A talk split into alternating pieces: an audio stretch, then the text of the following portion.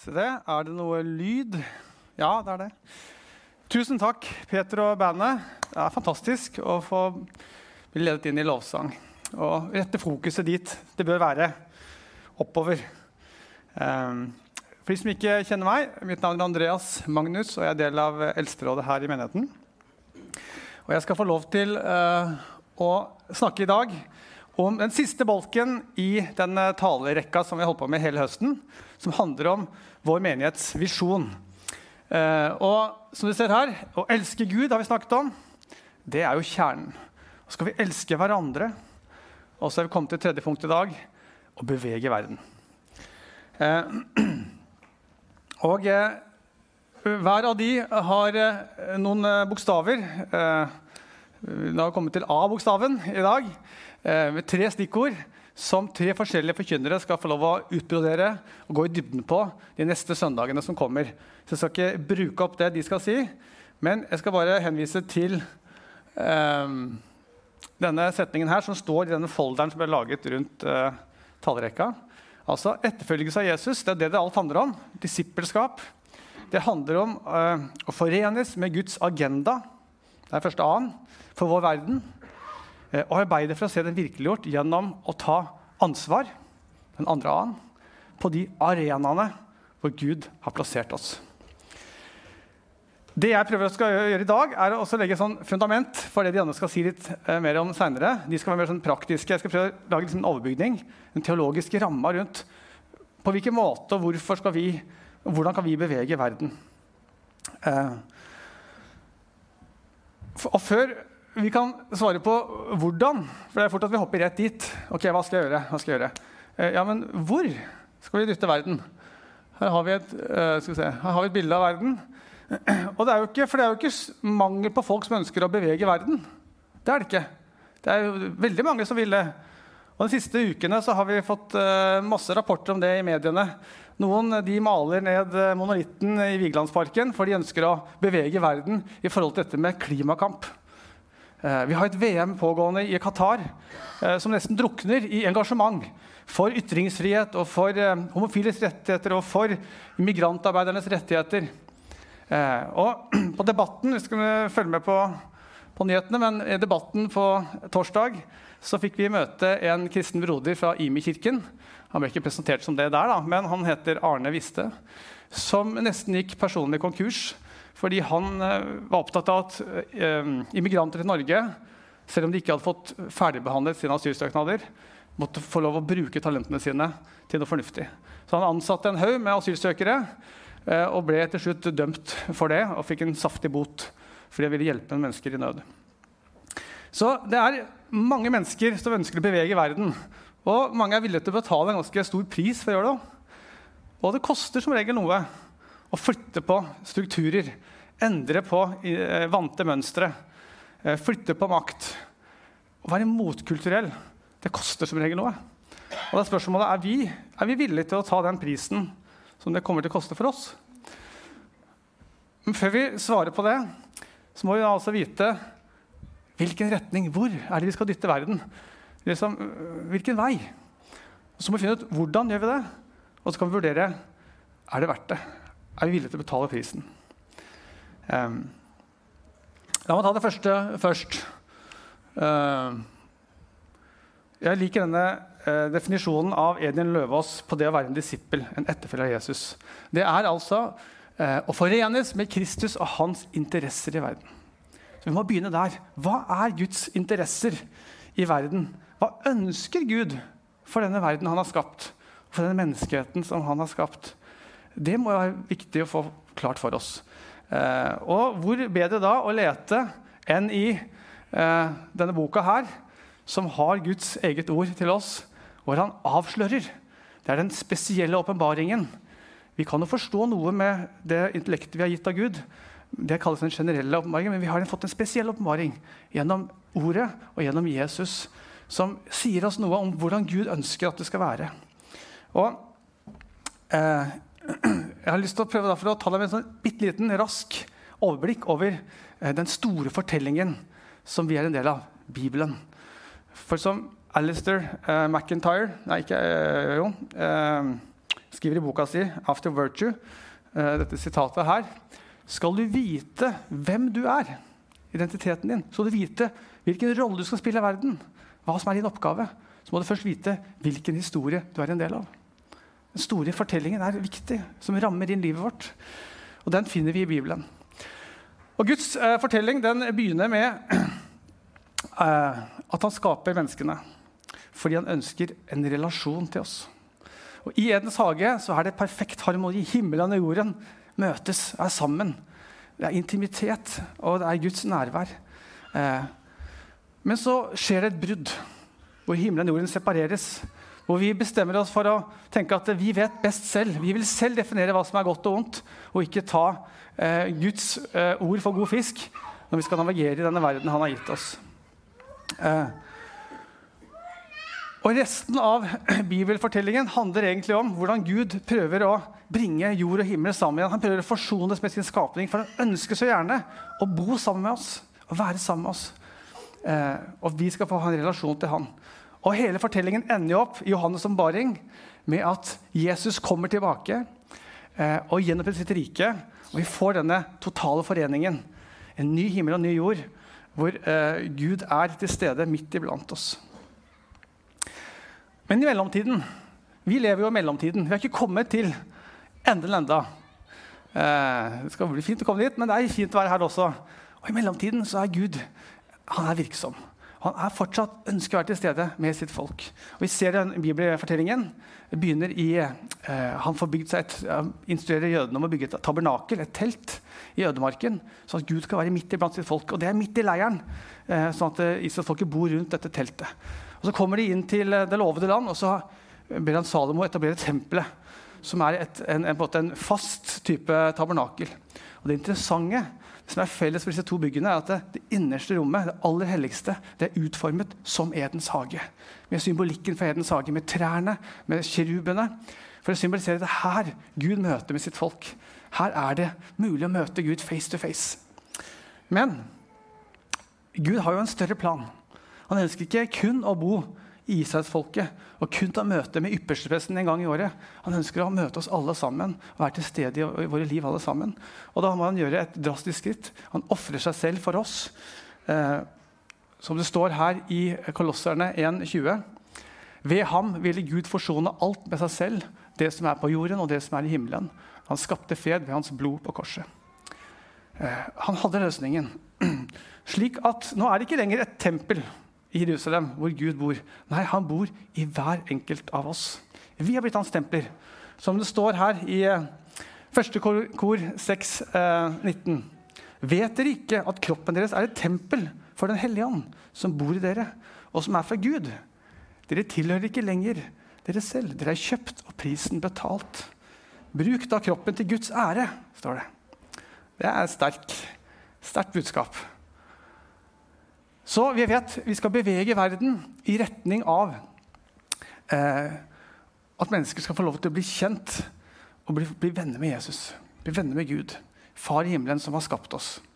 Eh, han ønsker fellesskap med flere av sine skapninger. Eh, men dette fellesskapet må også lede til handling. Det må bli eh, praksis ut av det. Eh, for Jesus sier, 'Den som elsker meg, han lyder mine ord', sier han. Det er liksom eh, målestokken på om vi virkelig elsker Gud. Lyder vi Hans ord?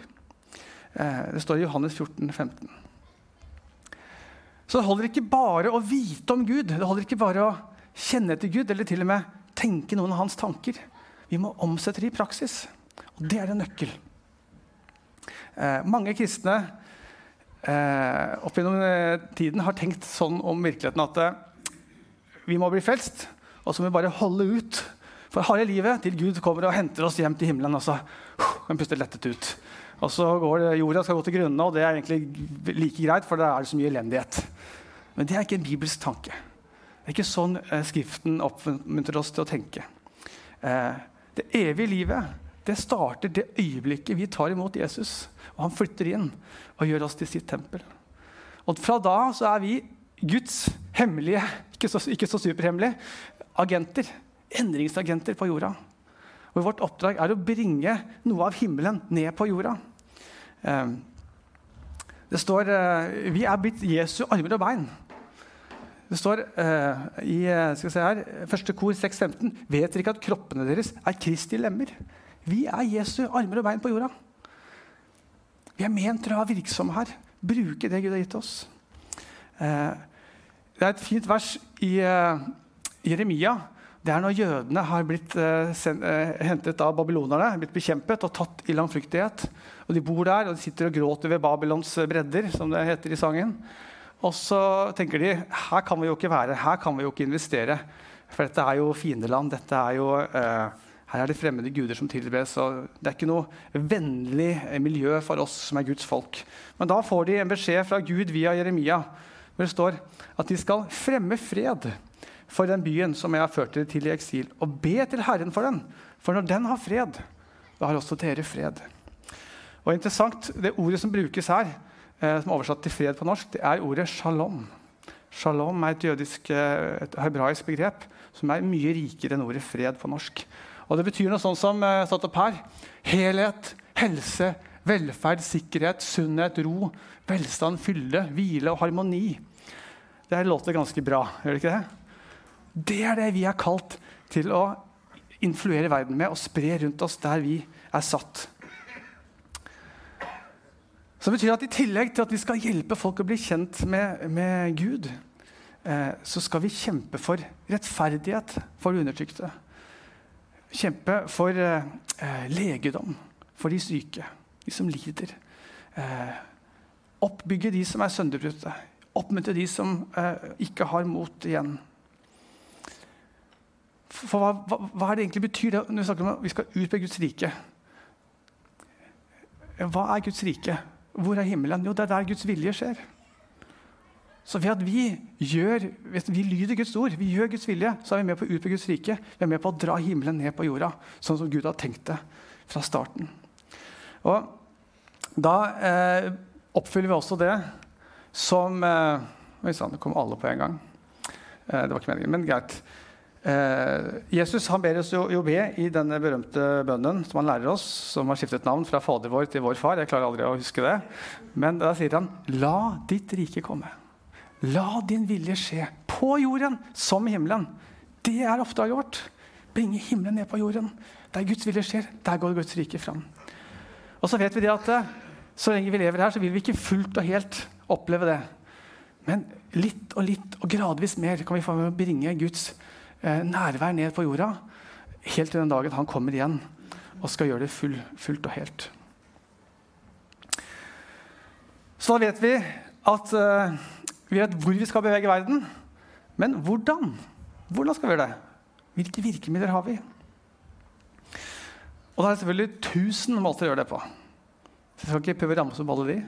Og Gud han, eh, han, har et unikt kall for hver og en av oss. Er, vi er unike. og Gud har et unikt kall. Og Det er veldig spennende å oppdage og utforske det kallet. Men det er likevel noen eh, prinsipper som jeg tror er viktig å ha klart for seg, som gjelder på, på tvers av alle våre ulike liv og, og talenter og, og kall. Um, og Det er viktig å ha på plass hvis vi skal klare å bevege verden, og ikke bare selv bli beveget av verden. For det er også en mulighet. Det er like vanlig. I Europa i dag er det flere mennesker som mister troa, enn som kommer til tro. Så Det er ikke sånn at det, det fins ikke sånn, sånn nøytral grunn. Jeg bare står her, så bare blir jeg værende. og så gjør jeg verken eller. Nei, Enten er det en som beveger verden, eller så er det en som blir beveget av verden. Enten så dytter verden i riktig retning, eller så er det med og dytter i feil retning. Det er ikke no, There's no neutral ground, som sier på engelsk. Sant?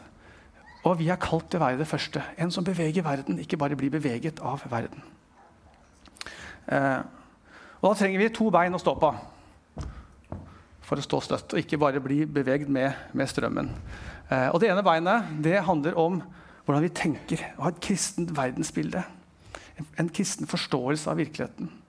Eh, og det andre handler om å ha eh, praksiser. Og vi måte, hvor vi kroppsliggjør denne teorien og gjør den praktisk i disippelliv med rytmer og praksiser. Men la oss ta dette med verdensbildet først. Og Da står det i eh, punkt to her, eh, ordspråkene 23,7.: For slik en mann tenker sitt hjerte, slik er han. Så hvis vi skal, hvis vi skal unngå å komme skeivt ut fra hoppkanten helt til starten, så må vi eh, kristne tanken vår. Eh, vi må Hvordan vi tenker om Gud, om oss selv, om eh, meningen med livet, om hva som er rett og galt. Den, den, de tankene må kristnes. Eller som Paulus sier i 2. kor 10.: Vi tar hver tanke til fange i lydighet mot Kristus. For det er ikke alle tanker som fører godt med seg. Det er ikke alle ideologier som, eh, som eh, bringer gode resultater. Vi må kristne tanken. Og hvordan gjør vi det? Jo, jeg tror det handler om å bli glad i Skriften. Vi gjør sånn som David oppfordrer oss til i Salme 1. Grunne på den dag og natt. Det, hvordan gjør vi det? Jo, ved å lese og ved å lytte til god undervisning. Eh, og så må vi la eh, Skriften få utfordre oss, gå i rette med oss. Og Da kan vi ikke bare bortforklare det vi ikke liker. Vi må, vi må forholde oss til det. Og gi den forrang i livet, gi den autoritet i livet vårt. Og Det er en vedvarende kamp. For Det er veldig fristende å si at ah, Nei, det passa så dårlig i dag å gjøre sånn. Eh, og, være lydig i dag. Og det vet djevelen. Hvis vi ikke klarer å holde opp Bibelen som rettesnor for livet vårt, så vi, da mister vi den loddesnoren som skal hjelpe oss å, en, å, å ha en rett mur. Da, da, blir vi drevet med, med strømmen. Vi må ha noe å ankre oss opp imot, og det er Skriften. Eh, Jesus sier det selv. Dere farer vill for dere kjenner ikke Skriftene, sier han i Matteus, eh, Matteus eh, 22, 29. Så vi må kjenne Skriften. Og så må vi spørre Til tross for at det finnes mange kristne som går på møte, de leser Bibelen, og de lytter til undervisning, og de tror på disse tingene, og så likevel så ser vi liksom ikke helt de fruktene vi skulle ønske å se i livet vårt. Vi opplever at uh, vi fortsatt er stresset, vi er bekymret. Vi er egoistiske, litt selvhøytidelige, vi er sjalu og, og, det som verre er. Uh, hvorfor er det sånn? Det skal jo ikke være sånn hvis vi liksom Jo, men det holder ikke bare å tenke tankene, som jeg sa i stad. De, de, må leves ut. Vi må praktisere det. Vi må kroppsliggjøre troa vår. Gjøre den praktisk. Eh, det må få prege livet vårt. Amerikanere har et uttrykk som jeg liker. We're not brains on a stick. Vi er liksom ikke sånn hodet som går rundt med sånn pinnekropp. Vi har en kropp som drar oss hit og dit. Og vi må forme de, de lystene våre. De må formes, og de formes gjennom hva vi gir næring til. De valgene vi tar. Jo mer du velger å gjøre noe, jo oftere du gjør det, jo lettere er det å gjenta det. Har du merka det? Du går opp noen spor i hjernen din. Jeg studerer psykologi for tiden. det er veldig interessant. Når du gjør noe gjentatte ganger, så, så det, går det på, etter hvert på autopilot. Og Du kan faktisk se på hjerneskanninger at uh, hjernen endrer seg ettersom du, uh, du endrer på vanene dine. Uh, så det er et, en måte vi kan på vi vi må, bygge disse vanene og rytmen i livet, sånn at vi klarer å leve slik som Gud ønsker. Ikke bare tenke tankene. Det er et, en, en, nøkkel, tror jeg.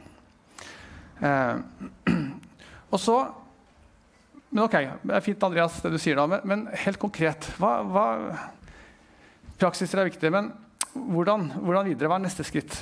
Og da tror jeg også Det er en ting til som er på plass, og det er vi må få opp igjen tilliten til at evangeliet er en kraft til endring i samfunnet vårt. Eh, og eh, jeg tror at det, vi må ha troa på at et samfunn bygd på bibelske prinsipper det er godt for alle. Det er ikke bare interessepolitikk for de kristne. Det er godt for alle. Hvis du ser gjennom historien, så er det masse eksempler på det. Eh, alle de første kristne Eh, startet, startet jo veldig skrøpelig ikke sant? med noen sånne fiskere og enkle mennesker i Jerusalem. Og I løpet av noen få århundre så har de snudd opp og ned på hele Romerriket. Den mektigste supermakten på den tiden. Noen få århundre. Hva var hemmeligheten deres? Jo, det var at de levde ut dette budskapet i praksis, i små husmenigheter. Og hva var det som kjennetegnet dem? Ja, hva var det kritikerne sa om dem da? Det var Lucien, en, en, av de som skrev sånn sarkastisk om de kristne. Jo, ja, de, de, de, er liksom glad i folk som ikke er i slekt med dem. De har en, en sånn eh, familieomsorg for andre enn de de er i slekt med. Og de, de lever som om ikke, som eiendelen ikke er deres egne, de deler. Altså, For en forferdelig religion, tenkte Lucian. Men de hadde en genuin eh, omsorg for, de, for slavene for de som var utstøtt i samfunnet. Og de møttes på tvers av sosiale og, og, og raseskiller. Eh, på tvers av kjønnskiller. Og bygde eh, menigheter som var attraktive.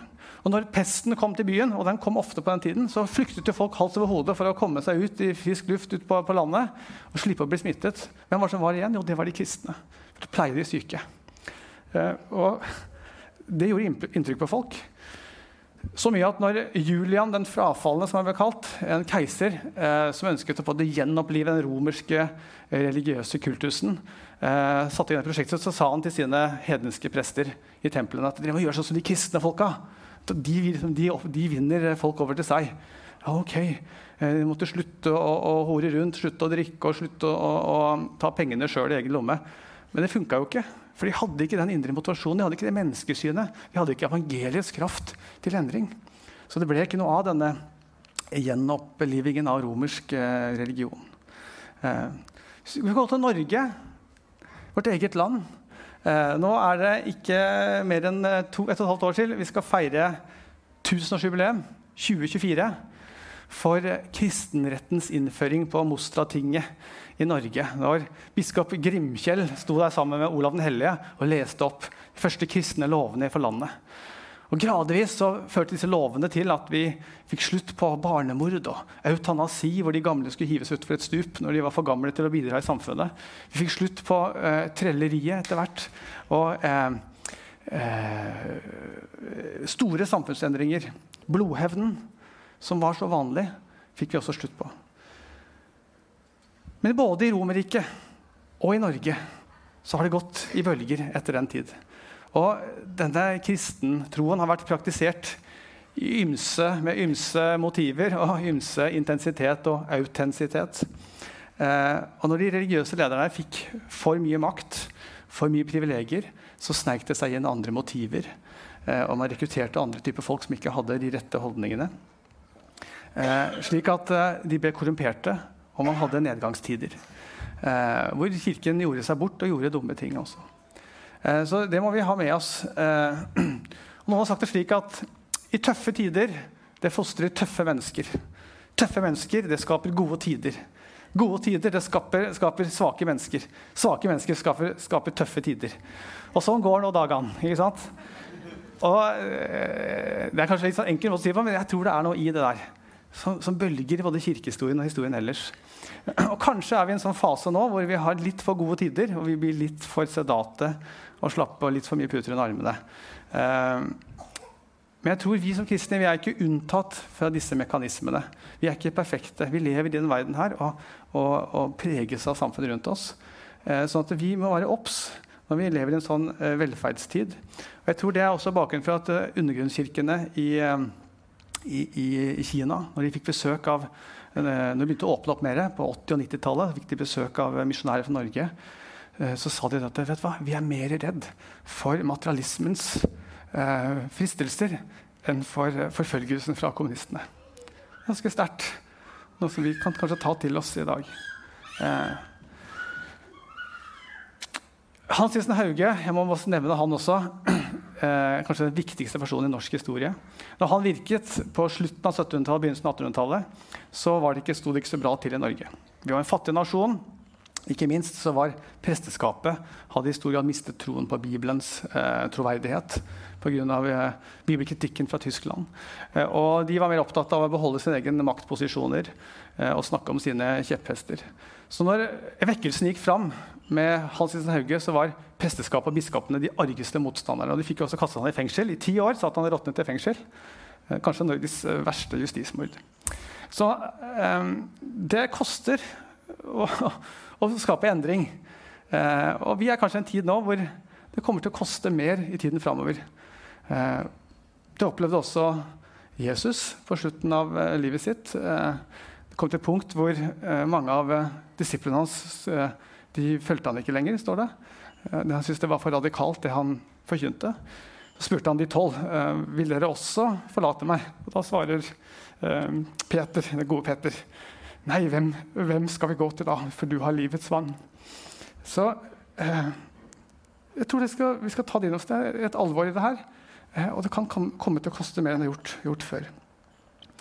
Men Hauge hadde tro på evangeliets kraft, og det førte til kraftige endringer i Norge. Kraftige endringer.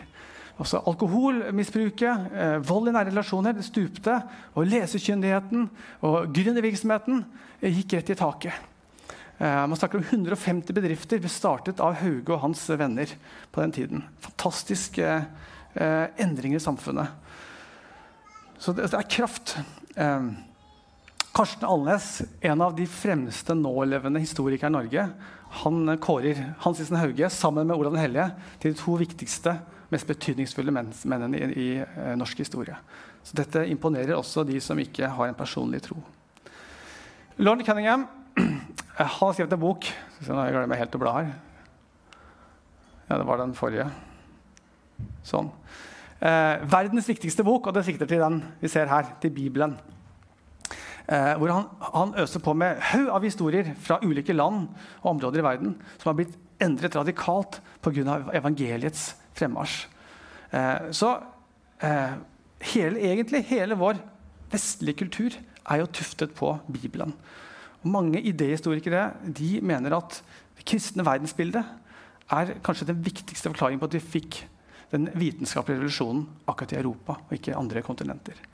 Eh, så poenget mitt er at vi kan være frimodige. Det vi har å komme med, det budskapet, det har kraft til å endre. Og det må vi tro på. Skal, bli, skal vi tørre å, å, å være frampå med det. Men Andreas, du har ikke svart på hvordan. Du bare legger sånn bakgrunnsteppe for rammeverket. Hvordan? Helt konkret. Da vil jeg også gå tilbake til Lauren Cunningham, som jeg nettopp nevnte, som er grunnleggeren av Ungdom Oppdrag, en av mine helter.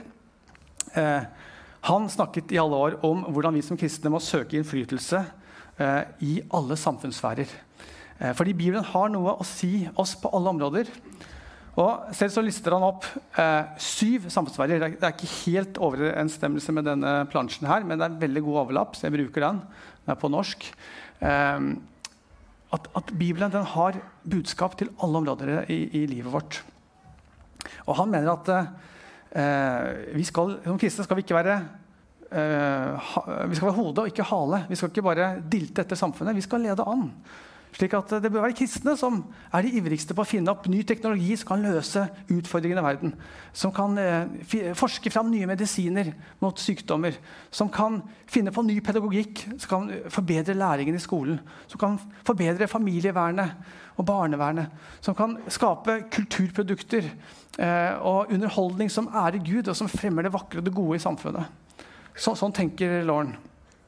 Eh, og eh, Jeg har veldig sans for den eh, innstillingen. Fordi Gud har jo skapt oss med en enorm kreativitet, en enorm skapertrang. For vi er jo skapt i hans bilde, og han er jo skaperguden. Så det er ikke så rart, egentlig. Eh, men så føler i hvert fall jeg, jeg vet ikke om det er sånn med deg, at av og til så eh, Men har jeg så mye å komme med, da? Lille meg? Jeg synes liksom ikke det gjør så stor forskjell i livet rundt. Merker ikke effekten av livet mitt. Eh, det føles litt puslete. Da har jeg lyst til å minne deg om det som står i Salme 139. Der står det at du er underfullt og skremmende skapt. Det er sannheten om meg og deg. Og eh, I Salme 8, vers 6, så følger salmisten opp med noe enda heftigere. Han sier at eh, Gud skapte oss, han gjorde oss lite ringere enn seg selv. Eh, og kronet oss med makt og herlighet. Wow. Lite ringere enn Gud. Er ikke det litt uh, hovmodig? Jeg tror det er sant.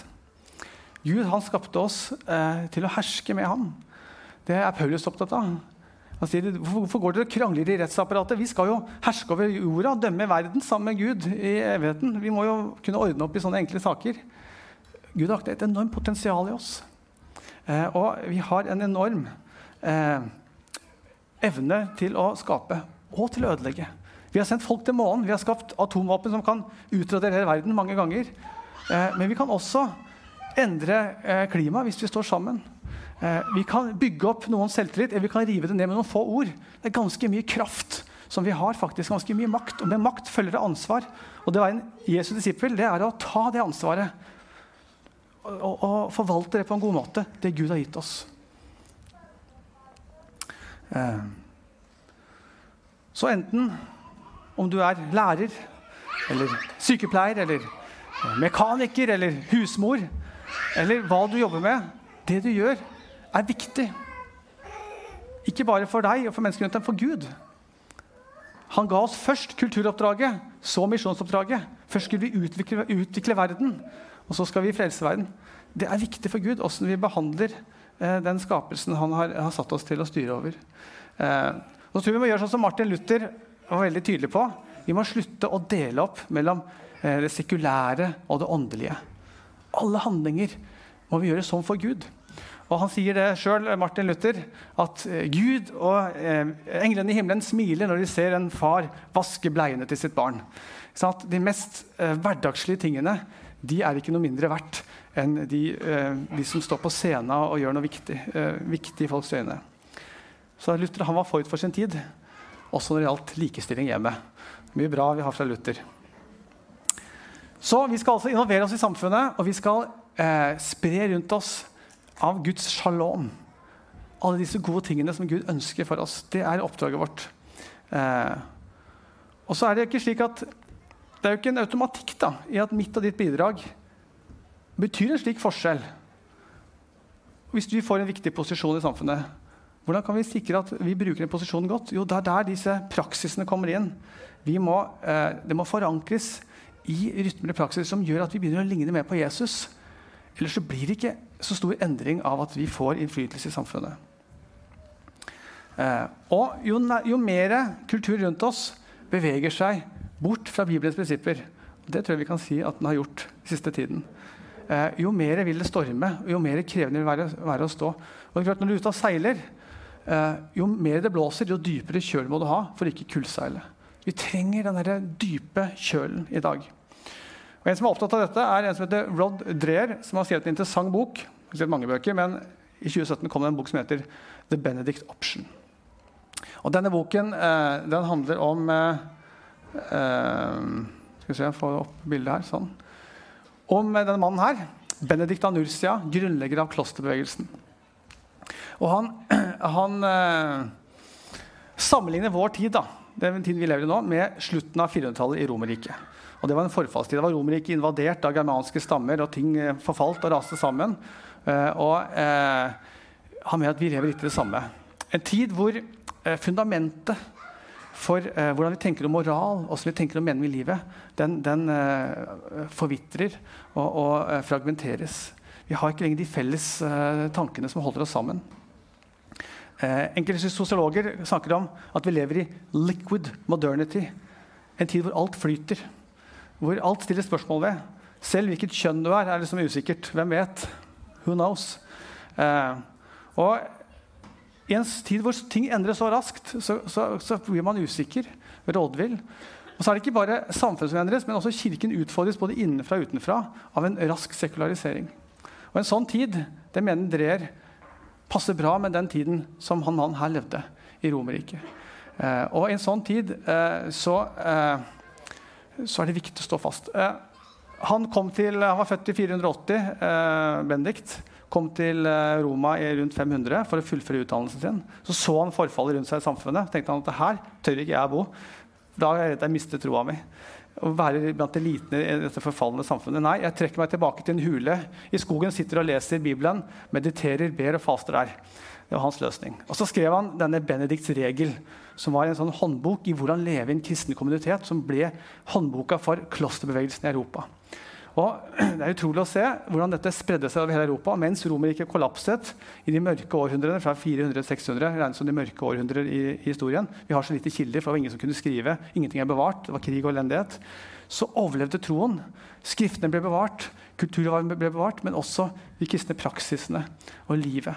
Og dette spredde seg rundt i hele Europa. slik at når denne perioden var over, så var det det som var Klostrene var de viktigste institusjonene for å bygge opp i Europa. De som eh, hadde boklærdommen, de hadde forskningen, de hadde helsestellet. Eh, nesten alt som var verdt, vært noe, det var vokst ut av klosterbevegelsen i Europa. Utrolig betydning. Men de måtte trekke seg tilbake for å samle, kraftsamle og ta vare på det, det viktige. Og så er spørsmålet Eh, er, er, det noe vi må tenke på i de baner? Kan vi lære noe av det her? Det er Drees poeng.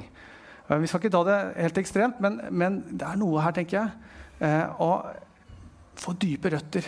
Ha tette, nære fellesskap hvor vi kan leve sammen og styrke hverandre og oppmuntre hverandre til dette kristne livet. Jeg vokste jo sjøl opp, det kanskje ikke alle vet, men på en sånn kristen kommunitet. Fra jeg var to, to, år til jeg var 18 år, så levde jeg eh, på et sted hvor alle de som levde der på denne gården vi, vi, eh, Ingen hevet lønn. Eh, vi spiste sammen i spisesal. Eh, vi delte eh, broderlig med det vi hadde, og hadde mye tid til bønn og fellesskap. Og når eh, nabogårdene høstet inn kornet på søndagen, for det var så fint vær, så holdt vi sabbatsbudet og ventet til mandag, selv om det var spådd regn på mandag. I tro på at Gud skulle ta vare på oss. Det var en spesiell oppvekst, og det har gitt meg masse verdifullt med på, på, veien. Som gjør at jeg kan være med å bevege verden i dag ut fra en trygg, trygt ståsted. I dag har jeg en vanlig jobb bor i, i offentlig skole, bor i en vanlig bydel med mennesker rundt meg som ikke nødvendigvis deler min tro og mitt virkelighetsbilde. Men jeg kan få være med å bety en forskjell, tror jeg. Eh, men da trenger jeg tette, nære fellesskap som hjelper meg å leve motkulturelt. Som hjelper meg å leve nær til Jesus og holde tak i disse praksisene og rytmene som gjør det mulig. Jeg skal avslutte nå. Jeg ser tiden går. Eh, og, eh, men poenget mitt er at skal vi bety en forskjell, skal vi bevege verden, så er vi nødt til å, å la Den hellige ånd jobbe i oss, sånn at vi begynner å ligne på Jesus. Eh, John Mark Comer sier det. Hvis du vil ha Jesus sitt liv, så må du ha Jesus sin livsstil. Du må leve de praksisene Jesus hadde, eh, med bønn og bibelles, med nære fellesskap og med, med å eh, lytte til Gud i livet ditt. Eh, helt til slutt, Hvilke praksiser snakker du om Andreas, nå? Først nå begynner vi praktisk her. Det skal de andre være. Men, men, men si noen få ord. Hvilke praksiser snakker, vi om? Eh, jo, jeg tenker på disse nære fellesskapene. Inkluderende fellesskapene. Jeg tenker på denne rause, radikale gjestfriheten. Vi deler en delingskultur. Jeg tenker på eh, dette med bibellesning og bønn. Og dette med å finne hvile midt i hverdagen. Feire sabbat og kjenne på Guds godhet og takknemlighet over livet. Og hvile ut sånn at vi står klare til en ny uke. Og Når vi kobler disse praksisene til det vi ser i samfunnet rundt oss, hva folk kjemper og sliter med, så føler jeg at dette er en god match. rett og slett. Vi har svaret på mange av de utfordringene folk sliter med i dag. Om det er eh, brutte nære relasjoner, som mange opplever. Om det er klimaangst og framtidsfrykt. Om det er utbrenthet. Eh, prestasjonsangst, om det er depresjon, mangel på mening med livet Alle disse tingene det passer jo sammen. Vi har jo svarene. Men vi må leve det ut. Ikke bare forkynne det, sånn som jeg gjør nå fra plattformen. Vi må leve det ut i våre nære fellesskap, sånn at det blir synlig for folk. Da tror jeg det er attraktivt. Eh, la meg oppsummere med to setninger. Eh, vi har lært at vi skal elske Gud. Og når vi gjør det, når vi lever nært til Gud og lyder Hans ord, som er definisjonen på å elske Gud, og når vi elsker mennesker, når vi har nære, eh, inkluderende fellesskap hvor vi bryr oss om hverandre, da beveger vi verden. dere. Det henger sammen. Alt henger sammen. Når vi gjør de to første, så blir det automatisk det siste. Da er vi iallfall klare til å gjøre det. Og ikke bare bli beveget, men å bevege verden i den retningen Jesus vil. Eh, jeg har lyst til å slutte med en bønn mens lovsangsteamet gjør seg klare. Kjære far, takk for at uh, vi får være dine barn. Takk for at du har skapt oss på underfullt og skremmende vis, Herre. Og takk for at du har lagt et potensial ned i oss til å skape endring og til å utbre din shalom der du har satt oss. Uh, hjelp oss å være tilgjengelig for deg, Herre. Hjelp oss å praktisere ditt ord, slik at vi kan uh, bevege verden i retning av å bli kjent med deg og få lov til å ta del i den hvilen og den, eh, den godheten som du har tenkt for oss. At vi kan få oppleve din shalom i livet vårt. Vi som er her, og alle vennene og naboene og de vi blir kjent med og møter på vår vei. Takk, far. Godt å få kjenne deg. Amen.